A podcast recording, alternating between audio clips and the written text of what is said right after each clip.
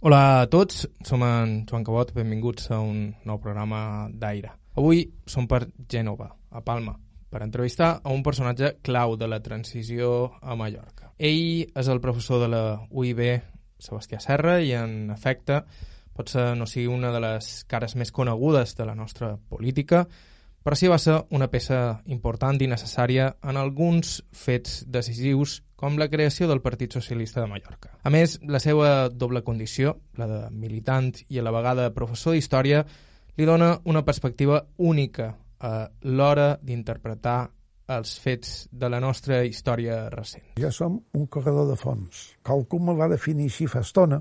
La meva impressió, tant a la vida política 20 anys a institucions i molt més sense estar a les institucions, o la meva feina és que vaig estar a sobre cultural, de la Junta, o altres activitats cíviques on he estat, jo crec, crec que he estat això, un corredor de fons, i que m'han costat les coses molt. Vull dir, jo, per exemple, la vida acadèmica, és vera que me jubila amb molta satisfacció, però, clar, jo he fet oposicions, fixa't, a Institut 3, a Universitat 3. Jo he estat opositor sis vegades. Aleshores, jo estic content per l'evolució, però a mi m'ha costat, jo he suat. Sí, aquesta corredor de fons, així, el que passa és que el 74 i 75 me pegaren fort, oh. bueno, me pegaren fort, me multaren, me tancaren, etc. no? Però bueno. Aquells eren els darrers anys del franquisme, precisament quan va començar a solidificar-se el seu compromís polític. Que perillós, la vida política o la vida acadèmica? que han de ser dues. no, s'ha de, ser, de fer feina. I totes les professions tenen risc i totes les professions tenen satisfaccions. No? Les dues coses. Ja, no hi ha més guinevetades dins la vida acadèmica. Sí que n'hi ha, sí, n'hi ha moltes. n'hi ha moltes. I a la vida política també i a la vida ciutadana en moltes ocasions també. Sebastià Serra viu ja retirat de la vida pública i està a punt de jubilar-se de la UIB, on just acaba de ser nomenat professor emèrit. Però la seva vida és també, en part, la de tota una generació que marcaria la vida política de la nostra comunitat durant uns anys decisius, els immediatament posteriors a la dictadura i tots aquells en què l'esquerra va ser oposició perpètua, però així i tot va ser capaç de fer aportacions capdals i trobar espai pel consens. Estau escoltant Aire a IB3 Ràdio, es parla Joan Cabot, començam.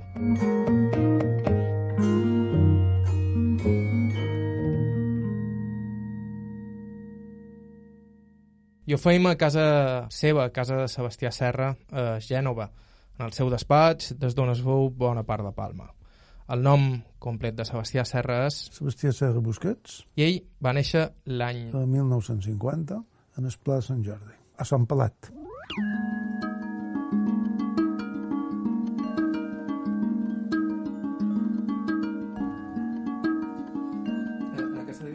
pares? Pagesos. Mon pare, mon pare i ma mare eren de família pagesa, eh, mon pare havia, de lot, havia ajudat a son pare a reconvertir una llarria en un hort. Mm. Això és Can Eixut, se diu Can Eixut, la carretera de Manacor, entre Sant Ferriol i la Casa Blanca. Avui en dia és Can Juanito. Mm. Mon pare això ho va vendre a, vaja, una societat cooperativa que avui en dia fan llavors, plantes, etc. I eh, ma mare era de Sant Pelat, de Cal Tio de Sant Pelat. Sant Pelat és una antiga possessió del segle XVIII, molt gran, que se va anar dividint, dividint, dividint, i avui en dia Sant Pelat eh, són molt d'horts, molt de bocint de Malders, molt de bocint de Garriga, que la Garriga ja és de Marratxí, però la part dels Ametllers i els Horts encara és el terme de Palma. Això està a banda Puntiró, eh, a mà dreta passat l'Hostalot, una mica passat l'Hostalot. Jo vaig néixer allà, ma mare també hi havia nascuda, i en els tres anys van anar a Can Eixut, perquè son pare de mon pare s'havia mort, mon pare era germà major, de quatre, i aleshores va assumir anar, anar a Can Eixut. I a Can Eixut estàrem fins que jo tenia 22 anys, en què mon pare i els seus germans, que ja havien fuit de la pagesia feia estona i feien feina en el moll, i mon pare ja gran li varen trobar una feina de pesador de pesador dels, dels vaixells que arribaven amb farina, amb blat, harines de Mallorca. Ell feia de pesador a la fàbrica que està a Portopí, que està ubicada en el moll. Abans havia estat una, una empresa de transports i llavors va acabar la vida laboral a Harines de Mallorca. Però vaja, mon pare va ser pagès molt d'anys, molt d'anys, molt d'anys. I mon mare també, vull dir, era de la pagesia. Llavors, quan mon pare va venir a Palma a fer feina, amb els germans en el moll, eh, varen comprar un pis a Lluís Martí, a carrer Lluís Martí, i eh, varen viure allà fins que se varen morir i era gent, ja t'he dit, de la pagesia, gent senzilla, gent treballadora, gent senzilla, gent oberta, oberta i amb un desig de, de que, vaja, una de les coses que el seu fill estudiés. Això sí que, això és una cosa molt, per jo, molt definitiva, no? Ells era gent amb una instrucció elemental, amb pocs anys d'instrucció, amb un pare d'escola nocturna, mon mare no, mon mare era un poc més jove i ja havia anat a escola, però pocs anys, vull dir, Aleshores, això de que el fill pogués estudiar era una de les coses que volien. La zona del Pla de Sant Jordi era llavors una zona eminentment rural, encara que hi començaven a solidificar-se una sèrie de nuclis que amb els anys s'han convertit en satèl·lits importants de la ciutat de Palma. Per anar a comprar, hm, per anar a escola, nosaltres no anàvem a Sant Ferriol. Eh? Tot i que els pares de mon pare eren de Sant Jordi, però com que estàvem antes de la Casa Blanca, mos més a prop Sant Ferriol. Llavors, clar, la vida rural d'aquell temps, la vida de la pagesia era així-que-se molt de matí, munyir les vaques, això amb un pare i la predina, la mare de ma mare, que era viuda, i que vivien nosaltres, eren les dues persones que feien aquesta feina. Llavors, Eh, cuidar la verdura, eh, el menjar pels animals, procurar fer somada de tant en tant. Somada anar a vendre verdura a Palma, en el mercat de l'Olivar, bàsicament, pagesos que davallaven en carros. Aleshores, la vida era això, feina, molta feina, i després, clar, jo anava a escola a Sant Ferriol, eh, en bicicleta, com has de suposar, i, i bueno, eh, llavors cap a, cap a sort i, i a fer feina el cap de setmanes, dissabtes, diumenges, sí, anar a comprar, anar un poc per Sant Ferriol. Sant Ferriol creixia, a poc a poc, però creixia. Sant Ferriol avui en dia deu tenir prop de 10.000 habitants, però ja Sant Ferriol de la meva infància no passaven de 300-400 persones. Ara, un, un únic carrer asfaltat, quan jo ja era grandet, Avenida del Cid, un únic carrer. El camí de muntanya era l'altra via connectora en la carretera veia de Sineu i a Marratxí i cap a els planetes i Pondinca. Sant Ferriol, als anys 20, s'havia fundat i havia fundat un capellà, Bartomeu Font, i havien fet un sistema pensat, un sistema mm, molt, molt lineal. És a dir, està fet Eh, damunt, eh, amb, un, amb un fils, me contaren que amb un fils anaven dissenyant els carrers, mm? de tal manera que se feia molt de solars, que avui en dia seran omplits més del 80%, crec jo. Avui en dia Sant Ferriol se situa a prop de 10.000 habitants, entorn. Aleshores, aquell disseny molt lineal, eh, enquadrat, rectangle, era un poc idea que tenia aquell home el capellà i també els antics propietaris de, de tot allò, l'idea que fos un barri popular per gent treballadora que pogués tenir una casa, un solar, una casa. Jo vaig veure créixer Sant Ferriol. L'església no estava feta quan jo vaig fer la comunió. L'església que avui en dia està, a més, està al mig del xerrer. És curiós, perquè l'església la feien... És a dir, tu entres pel carrer Trigal, avui en dia en català, en aquell temps Trigal, tu entres des de la carretera de Manacor, de Sabea, i pegues a l'església i llavors la dreta és la plaça. Vull dir, mm, és curiós perquè no està, integra... no està dins la plaça, sinó que està mig del carrer. Això se va fer quan jo devia tenir 8, 9, 10 anys, l'església. Llavors ja ve l'etapa de que Sant Ferriol s'ha creat cine, se crea també un espai, eh, un espai per fer teatre, que no se'n feia molt, molt, però se'n feia qualque vegada. I el cine, sí, el cine, espanyol cinema, Sant Ferriol, que això està a l'antiga carretera de Manacor. Aleshores, eh, se van creixent negocis, el tradicional, un lloc per anar a fer un variat, i on, a hores baixes, en el soterrani, dels diumenges, hi havia una orquestra que tocava i, i ja era soci de Sant Ferriol, anant al cine o anar a l'hoyo eh, a ballar una mica si, si hi havia sort això, no? Sebastià Serra era fill únic i els seus pares només tenien un desig, que estudiés. I ell va estudiar. Eren temps d'aficions senzilles, de creure, i les hores que no estaves estudiant era a donar una mà al camp. Els grans entreteniments eren les excursions, la ràdio i el teatre. No, no tenc una memòria molt, molt precisa. Jo anava a l'escola mentre fèiem escola, eh, mos preparaven per ingrés i per primer per lliure. En, eren poquets els que fèiem això, perquè això ho preparàvem quan acabava l'escola. El mestre va dir en els pares, diu, bueno, si voleu qualcun que els fills facin fills, perquè eren, eren lots, eh, jo els prepararé un poc per fer ingrés i llavors per fer primer de batxiller per lliure.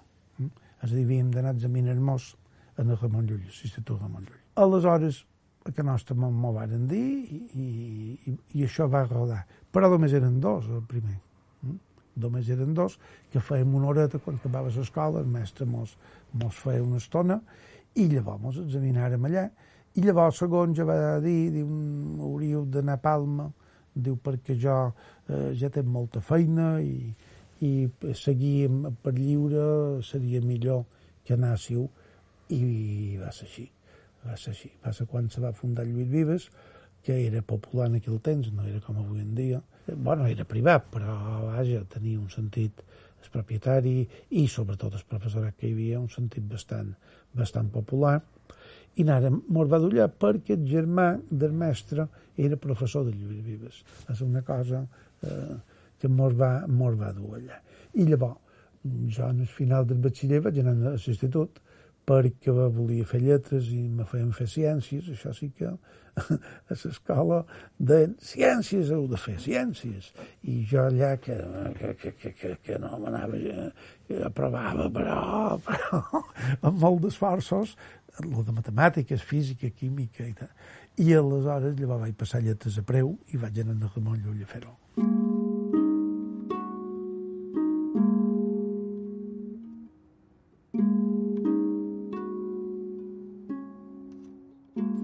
m'agradava l'observació del camp, del paisatge, una d'excursió a vegades, començàvem a anar qualque vegada d'excursió, això s'organitzava normalment des de la parròquia. A Sant Ferriol no hi havia ni l'OGE, perquè a vegades, és a dir, quan s'estudia, quan s'analitza els anys 50, perquè jo vaig néixer als 50, els anys 60 fins als 60 i pico, bueno, a Sant Ferriol no hi havia més que la parròquia. I el grup de la parròquia, que és capellà primer don Bartomeu i després d'Alberto Casasnoves, eh, se feien gent jove i tal, aleshores s'organitzava qualque excursió, qualque obra de teatre, veure's els dissabtes o diumenges i fer una certa, una certa convivència. Per tant, a mi el que m'agradava era un poc això. I mm, les excursions que se començaven a organitzar excursions senzilles, molt de pits amb autocar i bastanta gent de la barriada, però llavors això te permetia conèixer coses, veure coses, escoltar la ràdio, sempre em va agradar molt. Sí, sí, ràdio popular, eh, no la cope, ràdio popular en aquell temps. Feien secundaris en mallorquí, feien alguna cosa teatral, també, el grup teatral, i fins i tot, eh, ja 60 avançats, algunes coses de notícies, de, de, també també alguna cosa en català. La majoria era en castellà, també, però, però vaja, hi havia programes, mm, també feien el rosari en català, però, però bé, la rondalles en moll, la de Borja Moll, amb un grup escènic, feien la rondalles allà, era magnífic. Per exemple, això és un dels primers aprenentatges que jo tinc. I un poc, i a la parròquia una mica, perquè el tio del capellà, don Bartomeu Monet, Font havia fundat la barriada, llavors un altre Bartomeu Carmoner, hi va estar molt d'anys, i m'agafa a jo en la joventut primerenca. Don Bartomeu, bueno, tenia un tio que vivia amb ell, eh, Fredí, i ell sí que, sobretot en l'estiu, els orbaixes, eh, la fresca, mos llegia rondalles, mos contava coses, mos, mos introduïen un poc Don Bartomeu, sobretot en el teatre. Va crear un grup per fer obres de teatre anomenat regional o costumista mallorquí de l'època, molt en, en l'època, perquè era l'època de la companyia Artis. Mm? Vull dir que per a Sant Ferriol això, de, això sí, això sempre ho record com una cosa, diguem, important amb un contacte amb la cultura mallorquina, vaja, catalana, si vulguem dir. En aquella època, tímides iniciatives com la d'emetre rondalles en mallorquí per la ràdio van començar a obrir petites escletxes que a poc a poc debilitarien el discurs únic del règim. Per Sebastià Serra, però, vendria prest una passa més i doblement crucial en la seva educació política, els seus estudis a la Universitat de Navarra. Estau escoltant Aire a IB3 Ràdio, fem una breu pausa i continuem.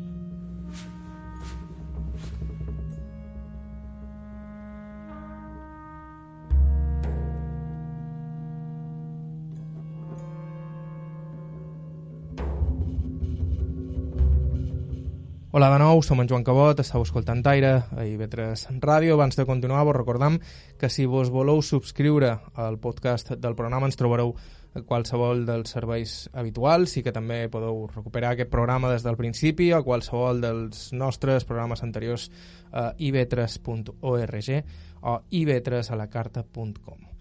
El protagonista del programa d'avui és l'historiador polític i professor Sebastià Serra. Aquí havíem deixat precisament a punt de donar una passa transcendental en la seva vida i començar la carrera de història. Sí, bé, filosofia i lletres, i a dins filosofia i lletres l'especialitat de geografia i història. Què t'atreia de la geografia i història?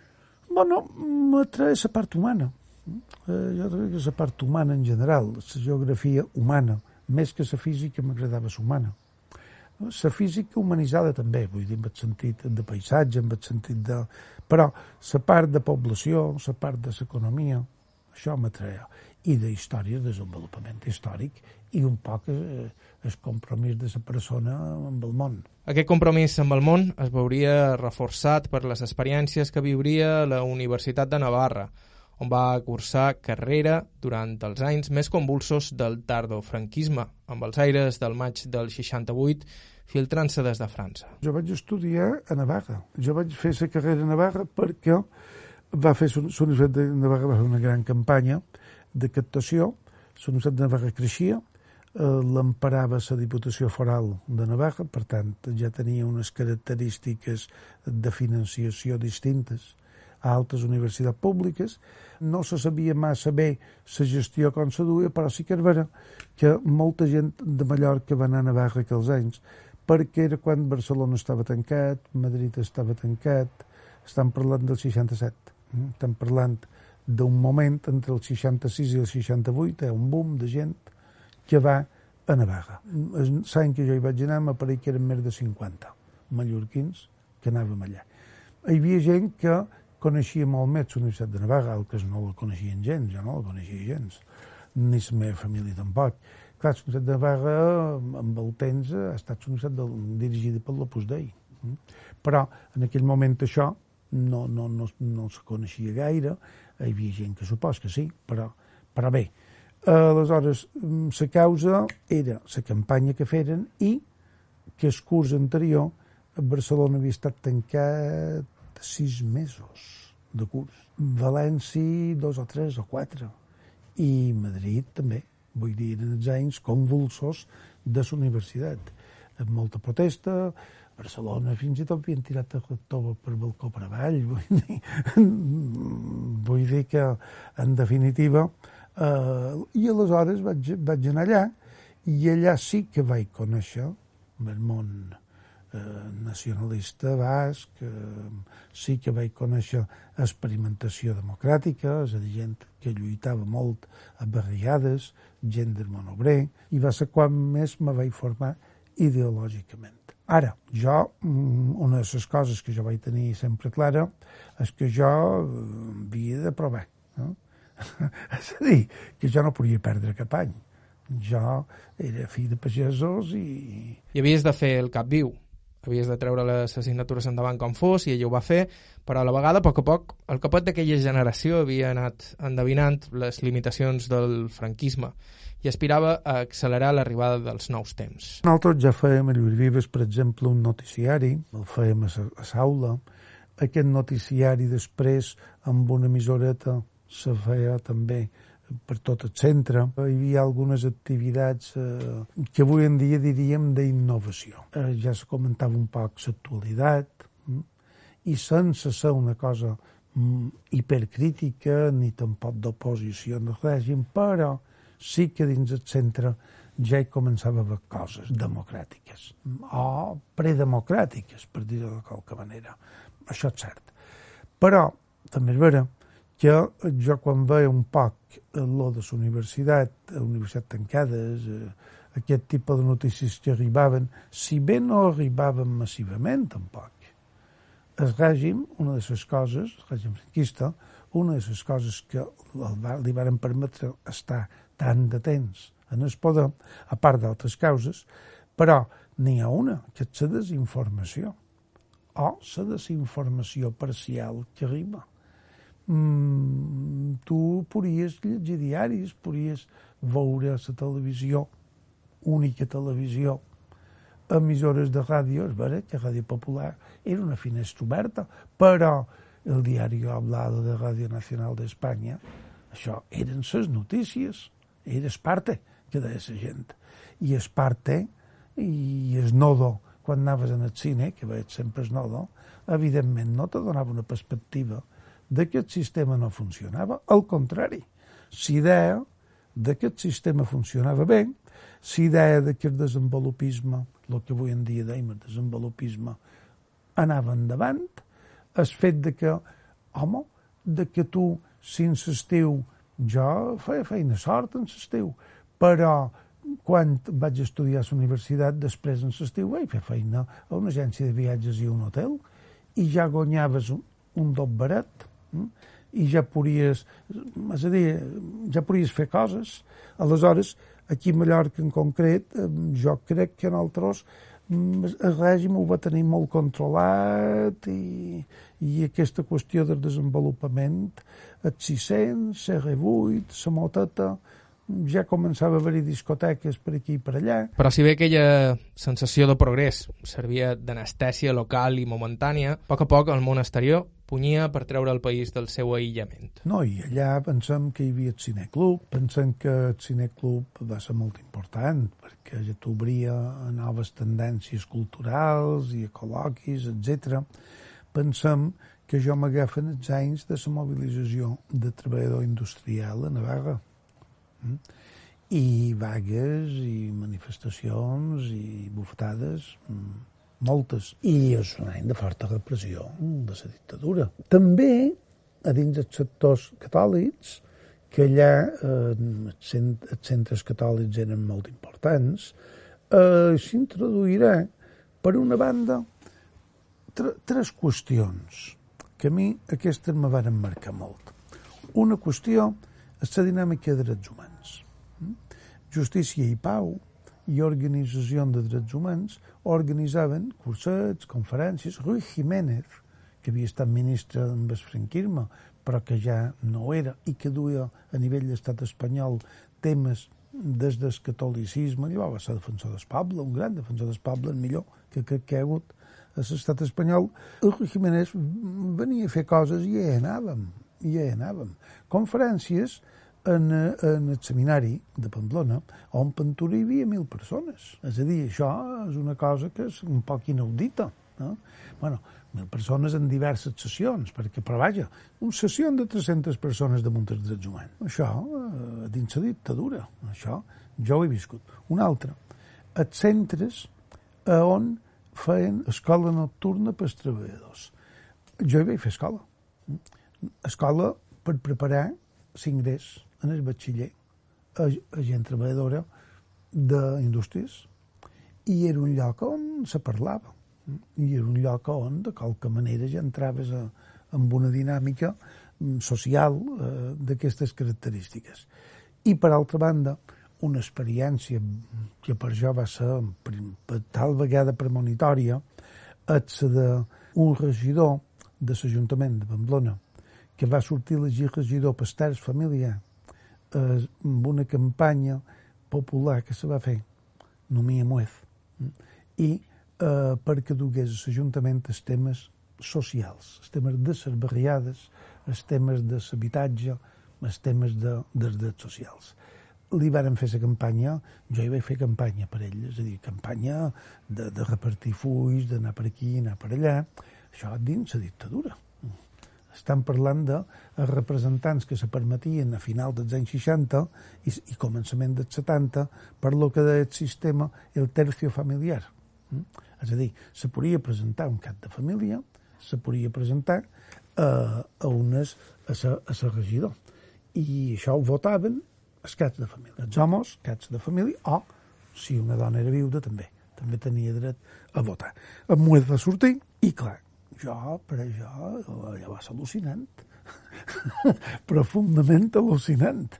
No? I, bueno, això són coses que, que, que, vius, que vius allà. Democratització de la universitat, també és una altra qüestió. Jo vaig ser delegat de curs primer i delegat de facultat després.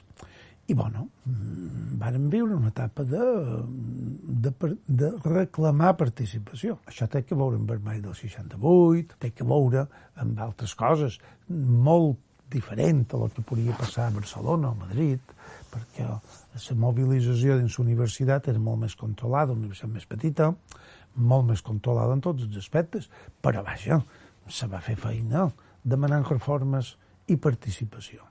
I això en tenc un bon, un bon record. Problemes? Oh, en tinguérem. Hi va haver expedients estudiants, per expedients amb expulsió, no? hi va haver gent tancada per la policia, per tant, campanyes solidàries, i va haver... I també, clar, quan té el judici de Burgos i totes aquestes qüestions, varen participar en temes de solidaritat amb aquesta gent, com és de suposar. Eh? Vull dir que això dins els campus, assemblees, de, en la policia a prop, a vegades detencions, a vegades, en fi, a vegades bufetades, funerals, funerals eh, un estudiant, un company de geografia, un poc més major que jo, el va matar la policia, mm, i, bueno, se va fer tot un conjunt de d'activitats i el matar a la muntanya, d'excursió, d'excursió, però sabeu que hi havia un escamot de policia i, i bueno, i després també en treballadors que havien, haver alguns funerals importants en treballadors morts en manifestacions o...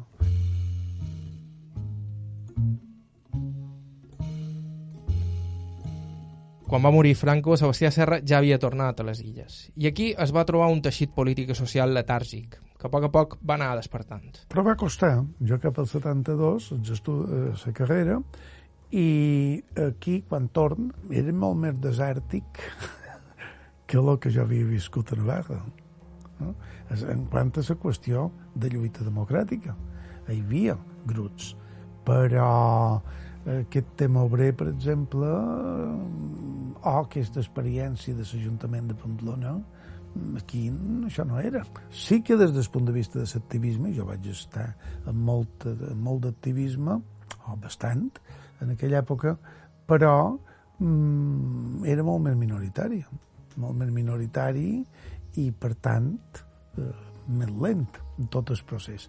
I, per altra banda, clar, eh, nosaltres quan analitzem el sistema, eh, bueno, se mor el dictador en el llit. Mm? Vull dir, de malaltia. I llavors el propi sistema comença a discutir què fan, què fan i què no fan. I des del sistema sorgirà la transició democràtica. No? Perquè els que estaven per la ruptura i érem activistes per la ruptura democràtica no guanyàrem. Això és, és obvi. I no és una qüestió electoral, és una qüestió social. De, de, una qüestió que mm, jo crec que hi ha llocs a l'estat espanyol que efectivament la ruptura era perfectament viable. Catalunya, Euskadi, perfectament viable. Dins d'Euskadi, indiferències, no? és a dir, Vitoria un poc més retrasat, Navarra també, però Donosti, Bilbao, etc. això. Catalunya, la Catalunya interior, més lenta, un, poc, un procés més lent, però la part urbana, vull dir, tantes en els sectors amb universitaris o treballadors industrials, això anava en vant. Se veia clar, però en el conjunt és una transició ma non troppo, dirien els italians. Era Sebastià Serra, historiador, professor i polític. En uns segons continuem amb la seva història. Estàu escoltant d'aire a IB3 Ràdio. Fem una breu pausa i tornem tot seguit.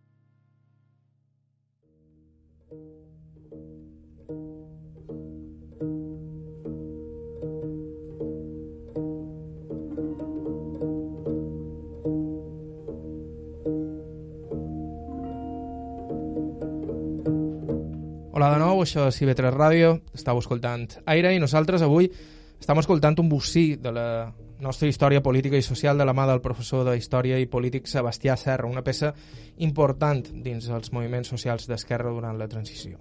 Precisament ens havíem quedat amb ell en el moment en què moria el dictador Francisco Franco, però malgrat la mort de Franco, el franquisme continuava intacte i alguns ho varen comprendre a les males. Sí que vaig tenir problemes. sí que vaig tenir problemes, sí.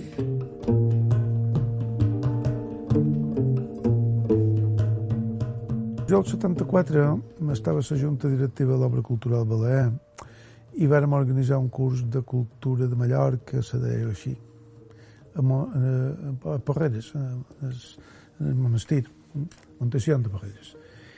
I me varen posar una multa de 25.000 pessetes, que per aquell temps és molt, i m'interrogaren bastantes hores, i, bueno, després me mollaren i me posaren la multa una munta 25.000 pessetes al 74 eh, no, no, no són bromes. Posteriorment, al 75, varen fer una concentració a Lluc, que això ja era un poc a l'entorn dels organismes unitaris de l'oposició democràtica, i ja era llibertat, amnistia, estatut d'autonomia. I m'orgafaren a tot un grup, jo crec que eren 14 detinguts, una cosa això, així, mos tancaren a la presó d'Inca, i llavors jutge mos va moller. L'endemà mos va moller. però passaren per jutge. Vull dir, va ser jutge, afortunadament va ser un jutge democràtic, diríem avui en dia, no? Perquè haguéssim pogut perfectament quedar tancats, no? I per altra banda, no els vull dir tots, perquè molts seleccionaren, els interrogatoris molts seleccionaren. I això me varen seleccionar i me varen dir, quan m'interrogaren, que va ser el darrer, a les 5 de la matinada m'interrogaven i me diuen, por fin te tenemos, professor. Vull dir que sabeu que m'anaven seguint eh, per lo que vaig deduir.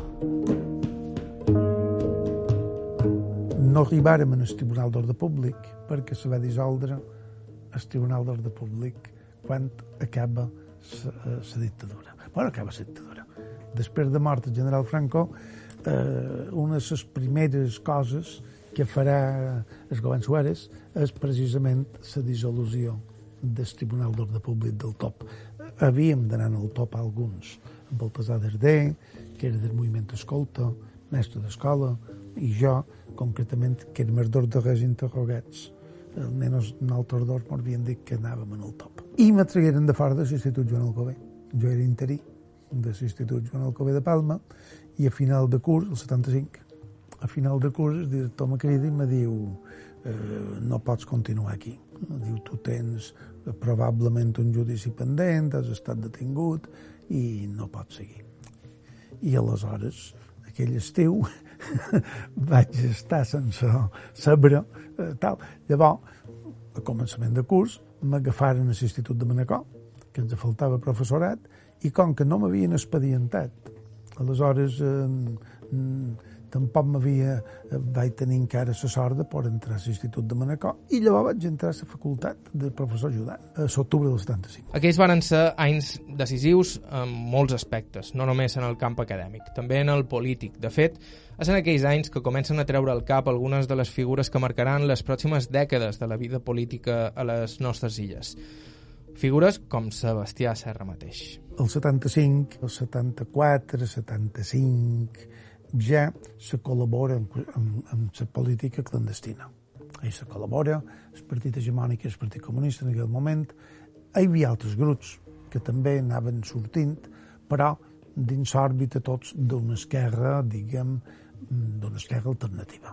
Se col·labora, s'està, se participa, s'està a organitzacions, les primerenques associacions de veïnats, bé, sobre cultural, que n'hem parlat, potent, en aquella època molt potent, que promou molt d'activisme, a pobles, a joves, i després ve ja, quan entrem en el 76, aquí comença a haver una sèrie de canvis. Un, un, hi ha gent que crea, creem, partits polítics nacionalistes. Jo participo de la fundació del PSI, Partit Socialista de les Illes, en gent que procedia del sindicalisme, del sindicalisme d'hostaleria, eh, sindicalisme unitari, que havia negociat els primers convenis, Paco Obrador, mm, per exemple, Antoni Garcia, Jesús Pérez, la Maria Bonin, en gent que procedia també del Partit Comunista, moltes vegades coincident, molta gent havia passat per l'entorn del grup d'oposició i molt de pits inspirats pel Partit Comunista. Antoni Tarabini, el sociòleg, que és un poc el mentor del PSI, almenys això se me va dirigir Antoni Tarabini. I pum, en Sidè, què feim? I era un poc allò de que el que hi havia era molt poc i el que hi havia era molt estatal i no veiem que se tocassin els temes que nosaltres pensàvem que eren els temes fonamentals en aquell moment a Mallorca. Eh, fonamentals, qüestions obreres, qüestions de drets humans, cercar una alternativa econòmica, això també era una idea que teníem, i òbviament tots els aspectes de llengua i cultura. Però mm, hi havia tot l'entorn sociològic i social, eh? tema de llibertats, tema de mm, una societat en part anquilosada amb el xot turístic, però bueno, però que de tot això s'havia d'anar tirant un poc endavant. D'aquí surt el PSI, l'estil humà una altra persona que va ser dels fundadors del PSI, en Josep Maria de Loyo, metge, mm, també. Gent que eh, procedeix a vegades del PSP, Partit Socialista Popular, en de Loyo, per exemple, Naina Sitges, professora també ja jubilada, que procedeixen del Partit Socialista Popular. Mm? Altres que havien estat a l'entorn del Partit Comunista, altres a l'entorn del sindicalisme, alguna gent, entitats ciutadanes, drets humans, associació de veïnats, obra cultural, gent, molta gent col·laborava a un lloc i a l'altre. Ha molta de, molt de promiscuïtat, en el sentit de gent que se trobava a un lloc i a l'altre. És factor cultural important. Hem de tenir en compte el Congrés de Cultura Catalana, el 75-76, que aquí té importància, aglutina a un milenar de persones, eh? amb un activista capdavanter, Antoni Serra, molt notable, escriptor, un periodista, escriptor, etc, molt notable i molt capdavanter, i dins el nacionalisme, un home que ha abrandat. Eh?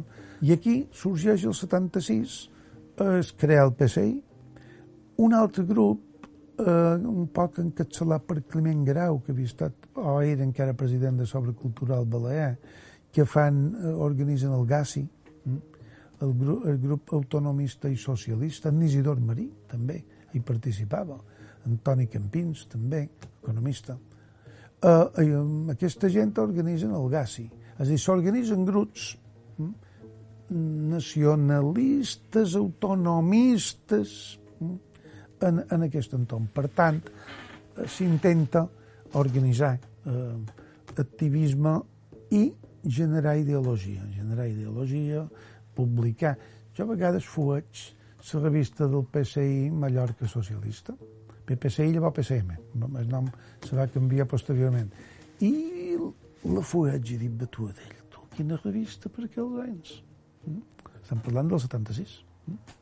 Vull dir, estem parlant del 76, 77, 78, d'aquells anys. Llavors hi ha gent que s'ubica en el PSOE, que va creant el PSOE ja, el PSOE renovat, el PSOE de Felipe González, que aquí és allà on se situarà un pot ser l'IT de dins l'esquerra, per dir de qualque manera, a la cúpula, mm? perquè llavors la base no, la base és molt àmplia i gent treballadora i gent de sectors populars, però el que és la direcció sí que són professionals, no? que ja han connectat amb gent del PSOE de fora, de València, de Madrid, sobretot. Pedro Pons, Emilio Alonso, vull dir, com a capdavanters fonamentals.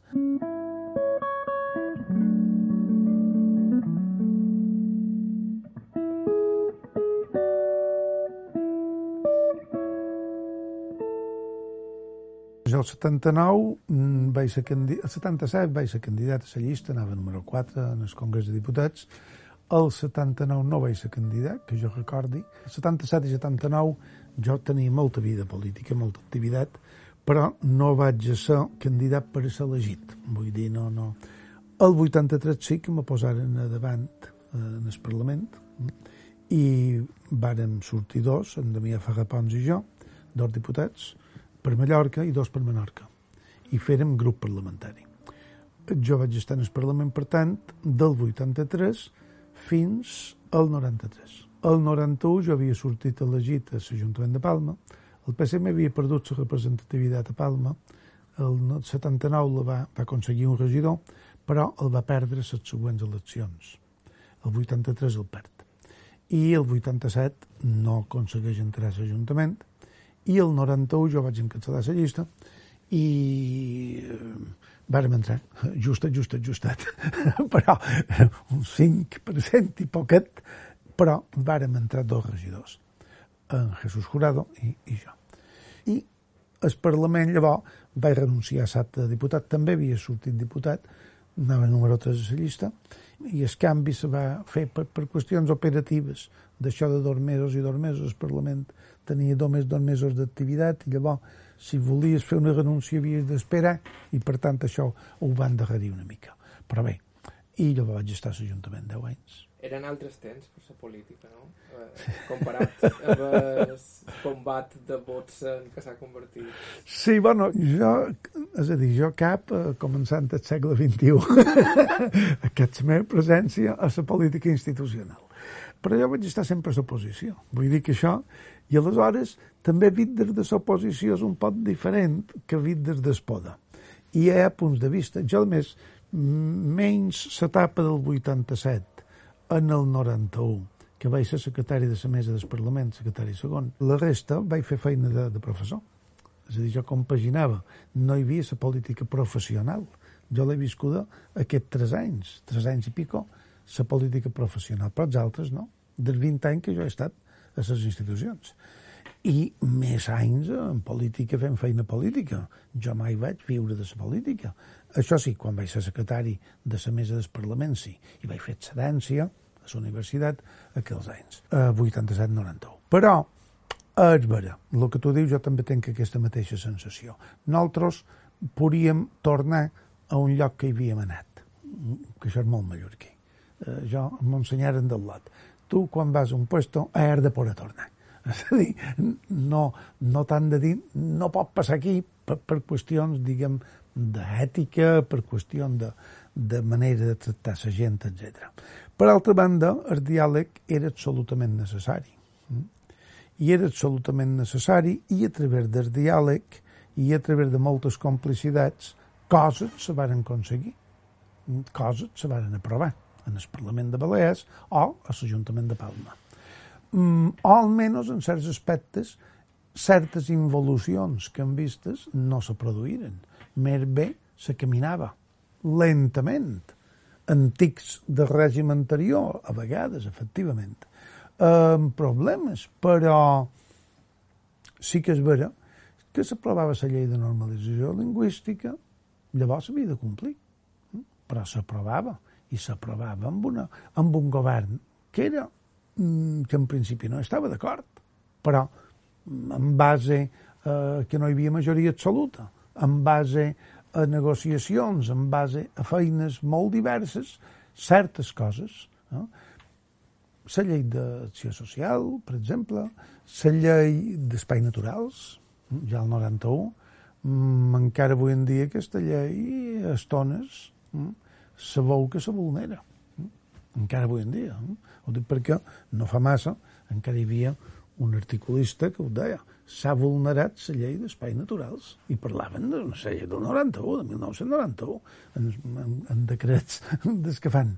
I, I dius, bueno, vull dir, és vera. I clar, a nivell humà, bueno, jo crec que quan un està en unes institucions s'ha de procurar de tenir unes relacions humanes. Vull dir, una cosa són els principis, els programes polítics, les ideologies, i una altra cosa distinta és el factor humà. Uh, avui en dia dona la sensació de que el factor humà, a estones, no, deixa molt que desitjar. Durant tots aquests anys, eh, la política activa, Sebastià Serra no ha abandonat la seva carrera acadèmica.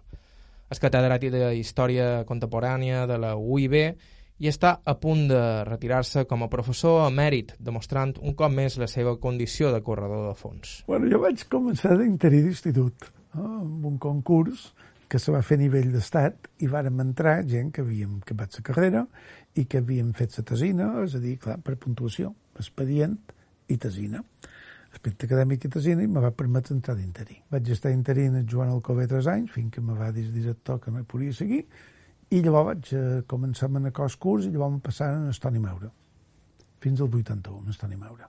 Vaig fer oposicions eh, d'agregat primer i de catedràtic després. Em vaig suspendre unes i em vaig aprovar dues. Això és l'etapa d'institut.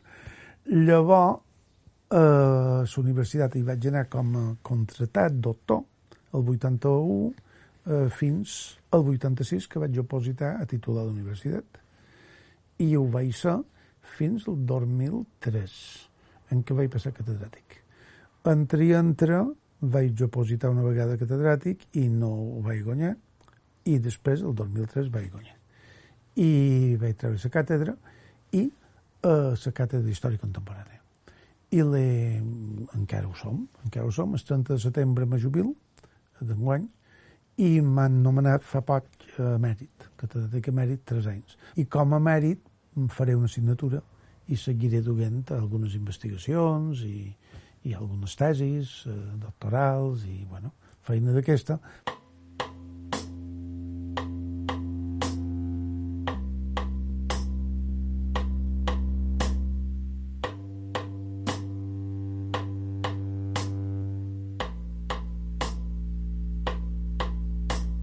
Escoltat Aire a IB3 Ràdio. Milions de gràcies a Sebastià Serra pel seu temps i contar-nos la seva història.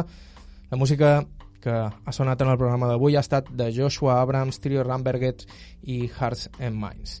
Podeu escoltar aquest i tots els nostres programes anteriors a ib3.org o a ib3alacarta.com i també vos podeu subscriure a Aire a Apple Podcast o qualsevol servei similar.